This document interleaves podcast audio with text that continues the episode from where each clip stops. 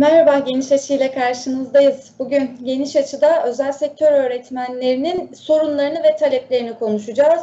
E, malum kendileri aslında e, özellikle bir süredir e, ülke gündemine gelmeyi başarabildiler. Uzundur seslerini duyurmak istiyorlar, taleplerini duyurmak istiyorlar. E, bunun için de Ankara'da bir eylem yapmışlardı ancak e, bu eyleme polis müdahale etmişti. Bu müdahale sonucu e, hem İçişleri Bakanı'nın ardından da Cumhurbaşkanı Erdoğan'ın öğretmenleri hedef almasıyla biraz daha e, görünür hale geldiler. E, elbette hem yaşananları hem de dediğimiz gibi sorun ve taleplerini kendilerinden dinlemek istiyoruz. Bu yüzden bugün konuğumuz e, bir özel sektör öğretmeni, aynı zamanda Özel Sektör Öğretmenleri Sendikası İstanbul temsilcisi Evin Turgut. Merhaba, hoş geldiniz. Merhabalar, hoş buldum. Şimdi e, dediğimiz gibi yani çok uzun süredir sesinizi duyurmaya çalışıyorsunuz, taleplerinizi duyurmaya çalışıyorsunuz.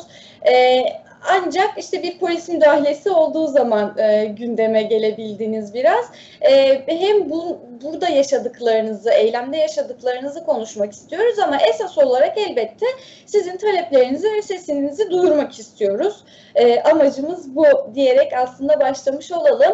E, şöyle sorarak başlayayım hem bize biraz anlatın, bilmeyen izleyicilerimiz de anlasın. Şimdi özel sektör öğretmenleri diyoruz ama e, ülkede biraz genel olarak şöyle bir kanı da var. Sanki özel sektör e, parası bol bir yer ve bu yüzden e, öğretmenler tarafından tercih edili, edilen bir e, yermiş gibi algılanıyor. Özel okullar bu yüzden seçiliyormuş gibi algılanıyor. E, böyle midir? Gerçekten e, yüksek paralar mı kazanıyorsunuz? Bu yüzden mi devlette değil özelde çalışıyorsunuz? Öncelikle teşekkür ederim davetiniz için. Ee, keşke gerçekten öyle olsaydı. Fakat sanılanın aksine özel sektörde öyle çok büyük paralar kazanmıyoruz maalesef ki. Hatta şöyle söyleyeyim, asgari ücretin altında çalışan çokça meslektaşım da oluyor. Asgari ücret düzeyinde e, veya en iyi ihtimalle işte asgari ücretin bir tık üzerinde e, paralarla çalışıyoruz aslında. E, ve denetimden o kadar yoksun bir alan ki çok ciddi hak ihlalleri de oluyor. Yani zaten Ankara'ya gitmemizin e, temel sebebi de işte taban maaş hakkımızdı. Çünkü kamuda çalışan meslektaşlarımız da aynı ücreti almak istiyoruz. Onlar gibi güvenceli çalışmak istiyoruz. Ee, özel sektörde bizlere 10 aylık sözleşmeler dayatılıyor ve aslında bu yasal da değil. Ee, buna hayır dediğinde de patronların cevabı da çok net. Hocam çekmecemde 50 tane öğretmenin CV'si var. İşte oyalamayın bizi hocam. Şöyle böyle. Ya böyle şeylere çokça maruz kalabiliyoruz maalesef ve bu yüzden çoğu zaman 10 aylık sözleşmelere imza atmak durumunda da kalıyoruz. Ya da e, bu yasal değil deyip karşı tarafı sıkıştırdığımızda da 12 aylık sözleşme hemen yanında da istifa dilekçemiz işte hani öyle başlıyoruz.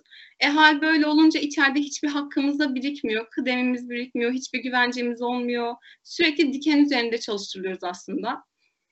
E, bu noktada maalesef ki öyle bir şey yok ama evet hani e, böyle bir algının oluşunun biz de farkındayız ve bunun sebebi de sanırım 2014'te 2014 öncesine dayanıyor. Çünkü aslında öyleydi yani daha güvenceliydi. Taban maaş hakkımız vardı.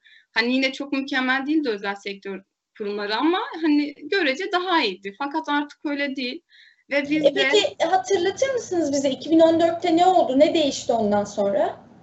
2014'te 5580 e, sayılı e, kanun yürürlükten kaldırıldı ve biz işte taban maaş hakkımızı kaybettik. Yani bizi koruyan bir yasa olmadı aslında. Ondan önce işte özel sektörde öğretmeni asgari ücrete, asgari ücretin altında ya da bir tık üzerinde çalıştıramazdı. Çünkü bu yasal değildi ve haklar da bizden yanaydı. Fakat şimdi öyle değil. Bu kaldırıldıktan sonra işte patronlar dilediği gibi at koşturdu, diledikleri gibi çalıştırdılar. İşte e, maaş skalası günden güne düştü ve şu an geldiğimiz durum ortada.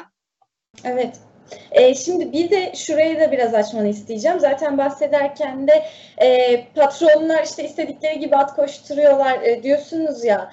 E, ama bir yandan da eğitimden bahsediyoruz. E, nedir yani bu özel okulların özelliği nedir? Patronlar diye bahsetmenizin sebebi nedir?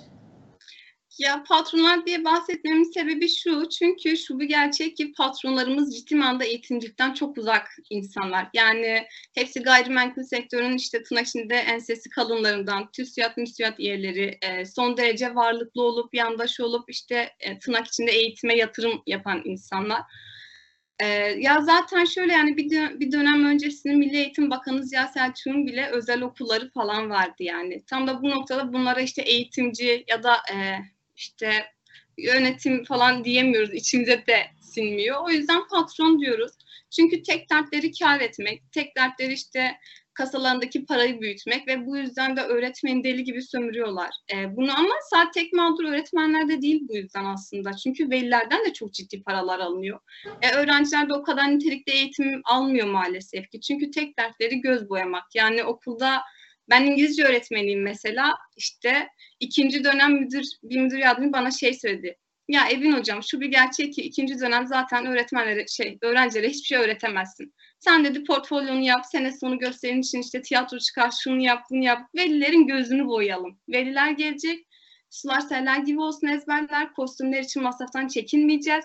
Bize böyle şeyler organize ettirdi ve ikinci dönem ciddi anlamda asla ders işlenmedi. Sonra ne oldu işte veliler geldi, alkışlar, kıyametler, herkes bayıldı, herkes çok mutlu oldu ama hiçbir veli ikinci dönem asla ders işlenmediğinin farkına bile varmadı.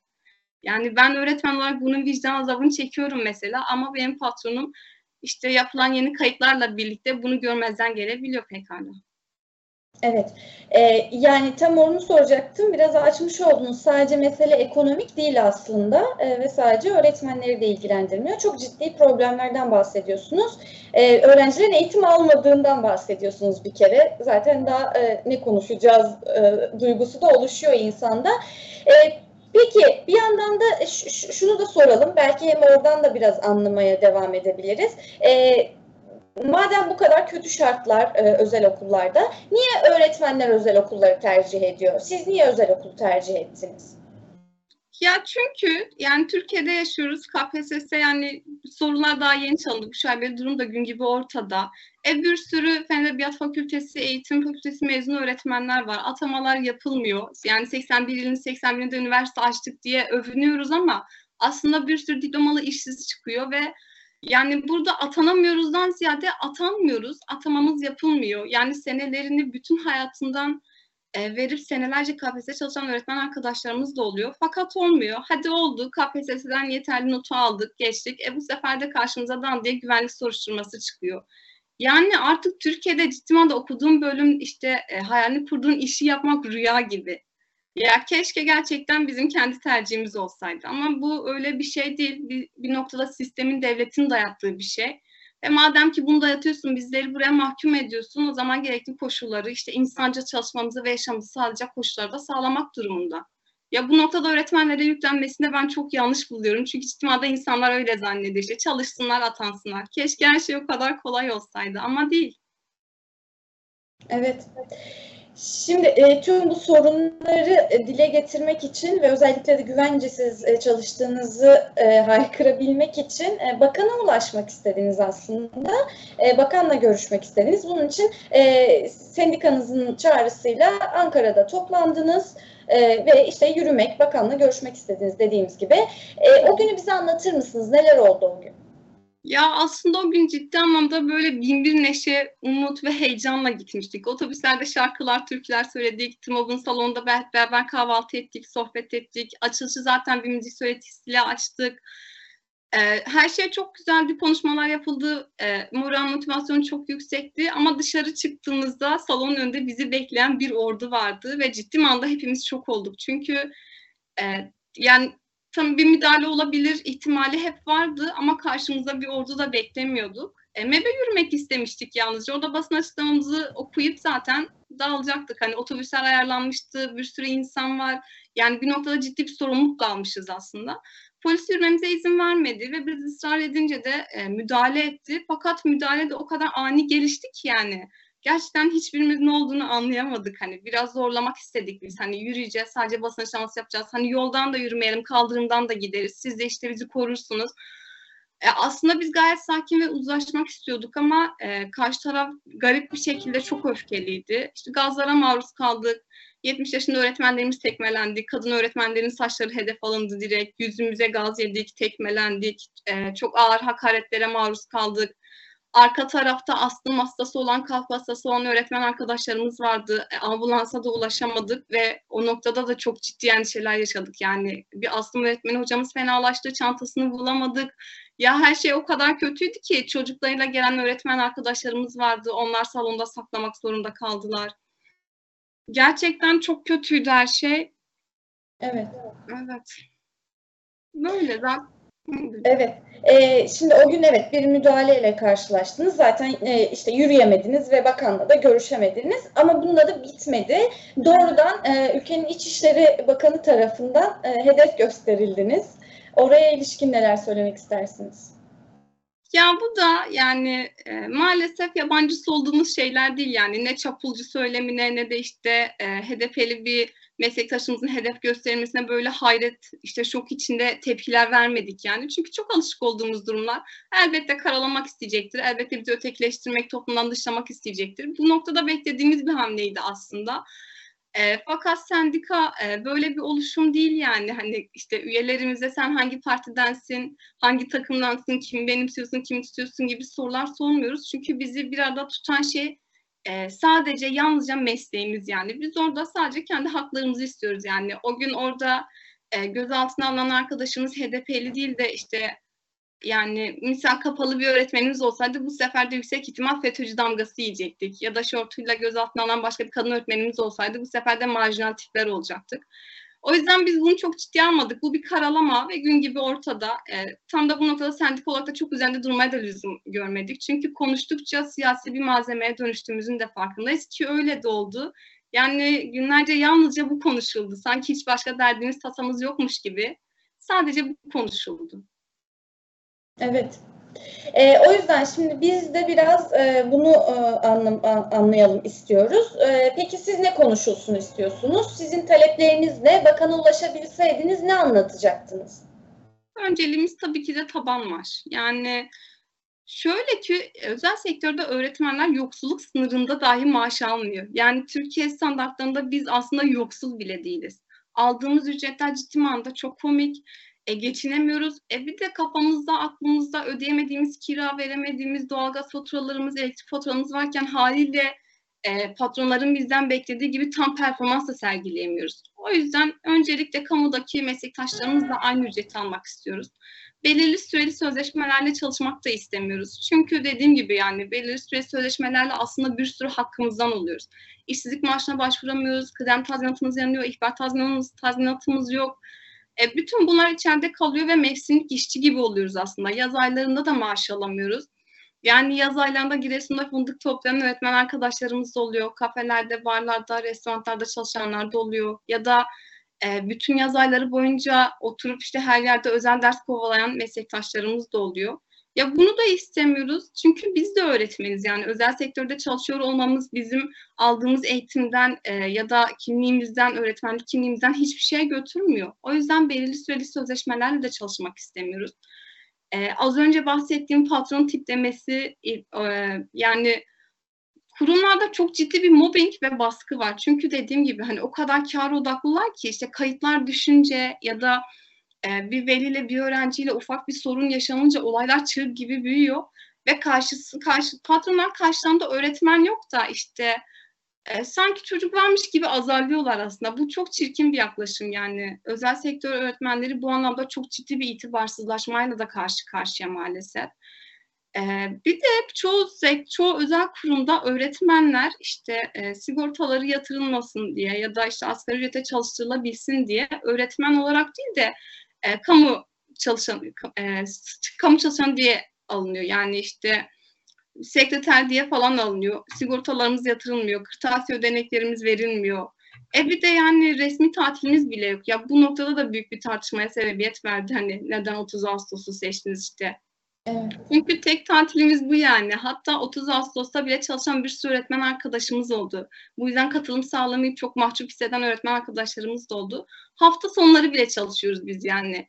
Yaz aylarında bile çalışıyoruz. Hani şey tabiri vardı ya öğretmenler yatarak maaş alıyor. Ya inanın hiç öyle bir şey yok. Hatta keşke olsaydı yani. Hiç öyle bir şey yok ve bu yüzden e, bunlar gündeme gelsin istiyoruz. Yani gündeme gelen şey sendikalı öğretmenin e, siyasi görüşü, ya da işte marjinal gruplar oluşu falan olmasın istiyoruz. Biz ekmeğimizin derdindeyiz yani. Ben ay sonunu düşünmeden huzurlu bir şekilde çocuklara yalnızca öğretmek istiyorum. Ya bu taleplerin hangisi devlete tehdit niteliğinde bunu da aklımız almıyor açıkçası.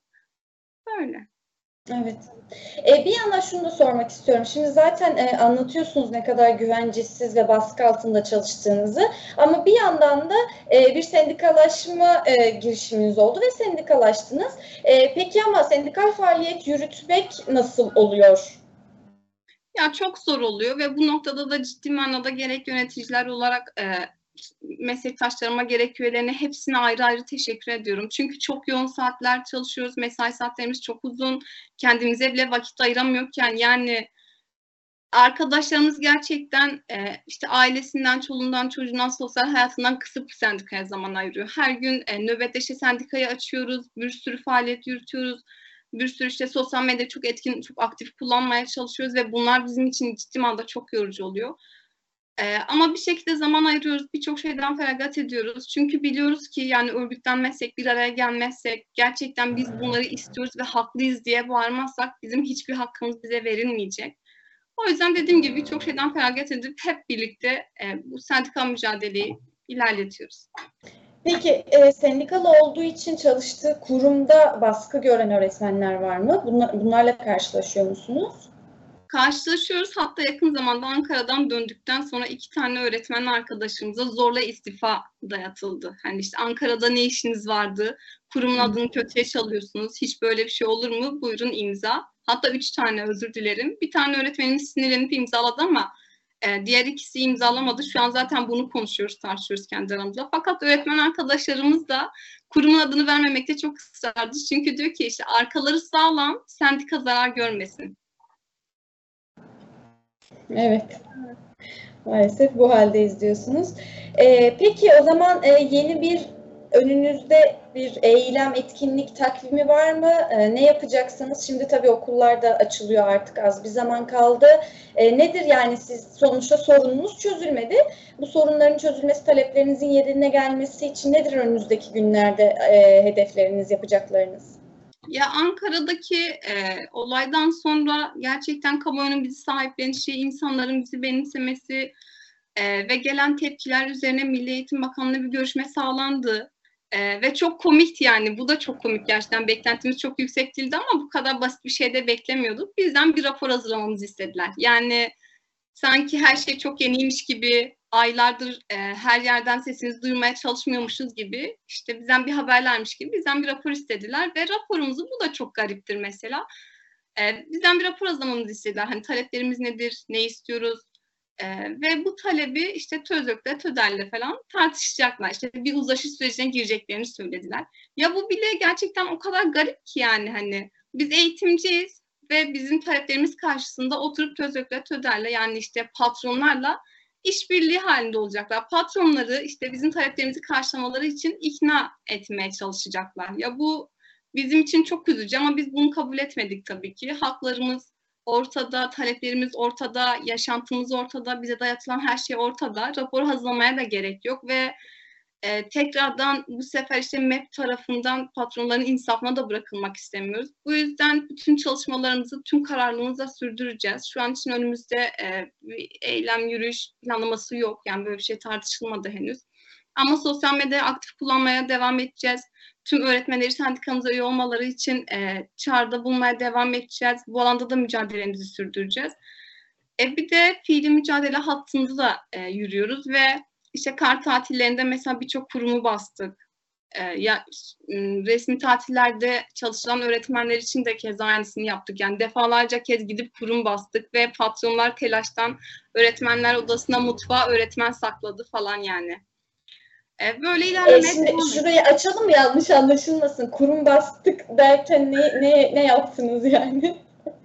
Ya geçen kış yoğun kar yağışından ötürü çok fazla tatil verildi. Aslında epey gündeme de geldik. Ee, ama buna rağmen öğretmen çalıştıran, öğretmenleri ısrarla kuruma çağıran çok fazla okul oldu. E, bu noktada Milli Eğitim Bakanlığı aradık, dilekçeler verdik, e, sendika bizzat aradı. Hani bakın bu yaptığınız yasal değil. Hani vali tarafından, işte bakan tarafından verilen bir karar var. Ve öğretmen çalıştıramazsınız dedik ama ısrarla ben çalışıyorum kardeşim hiçbir şey yapamazsın deyip suratımıza telefonlar kapatıldı. E bunun üzerine sendikadan birkaç öğretmen, birkaç kişi o kurumlara gidildi. Ve bu sefer bizzat konuşuldu yani polis falan da arandı hatta. Hani bakın hocam işte dışarıda deli gibi kar yağıyor. Bu insanların evlerine gitmesi lazım. Yasal değil. Öğretmenleri evlerine gönderin yoksa işlem başlatılacak. İşte bunun için söyledim hani öğretmeni işte Evet. Hukuksuzluğu kayıt altına aldınız yani aslında. Öyle. İyi, yerinde gördünüz. Evet. öyle ve bunun geri dönüşleri bizim için çok güzel oldu. Videolar alındı, her yerde paylaşıldı. E, geri dönüşümler ciddi anlamda çok güzel oldu hani öğretmenlerden yana da. Evet. E, peki e, çok teşekkür ediyoruz size. Vakit ayırdınız, e, katıldınız, anlattınız. E, biz elbette takip etmeye devam edeceğiz. Rica ederim. Ben teşekkür ederim. Çok sağ olun. Kolaylıklar diliyoruz size. Teşekkür ederim. İyi günler. Teşekkürler. Evet, Geniş Açı'nın bugünlük sonuna geldik. Yeniden görüşmek üzere. Hoşçakalın.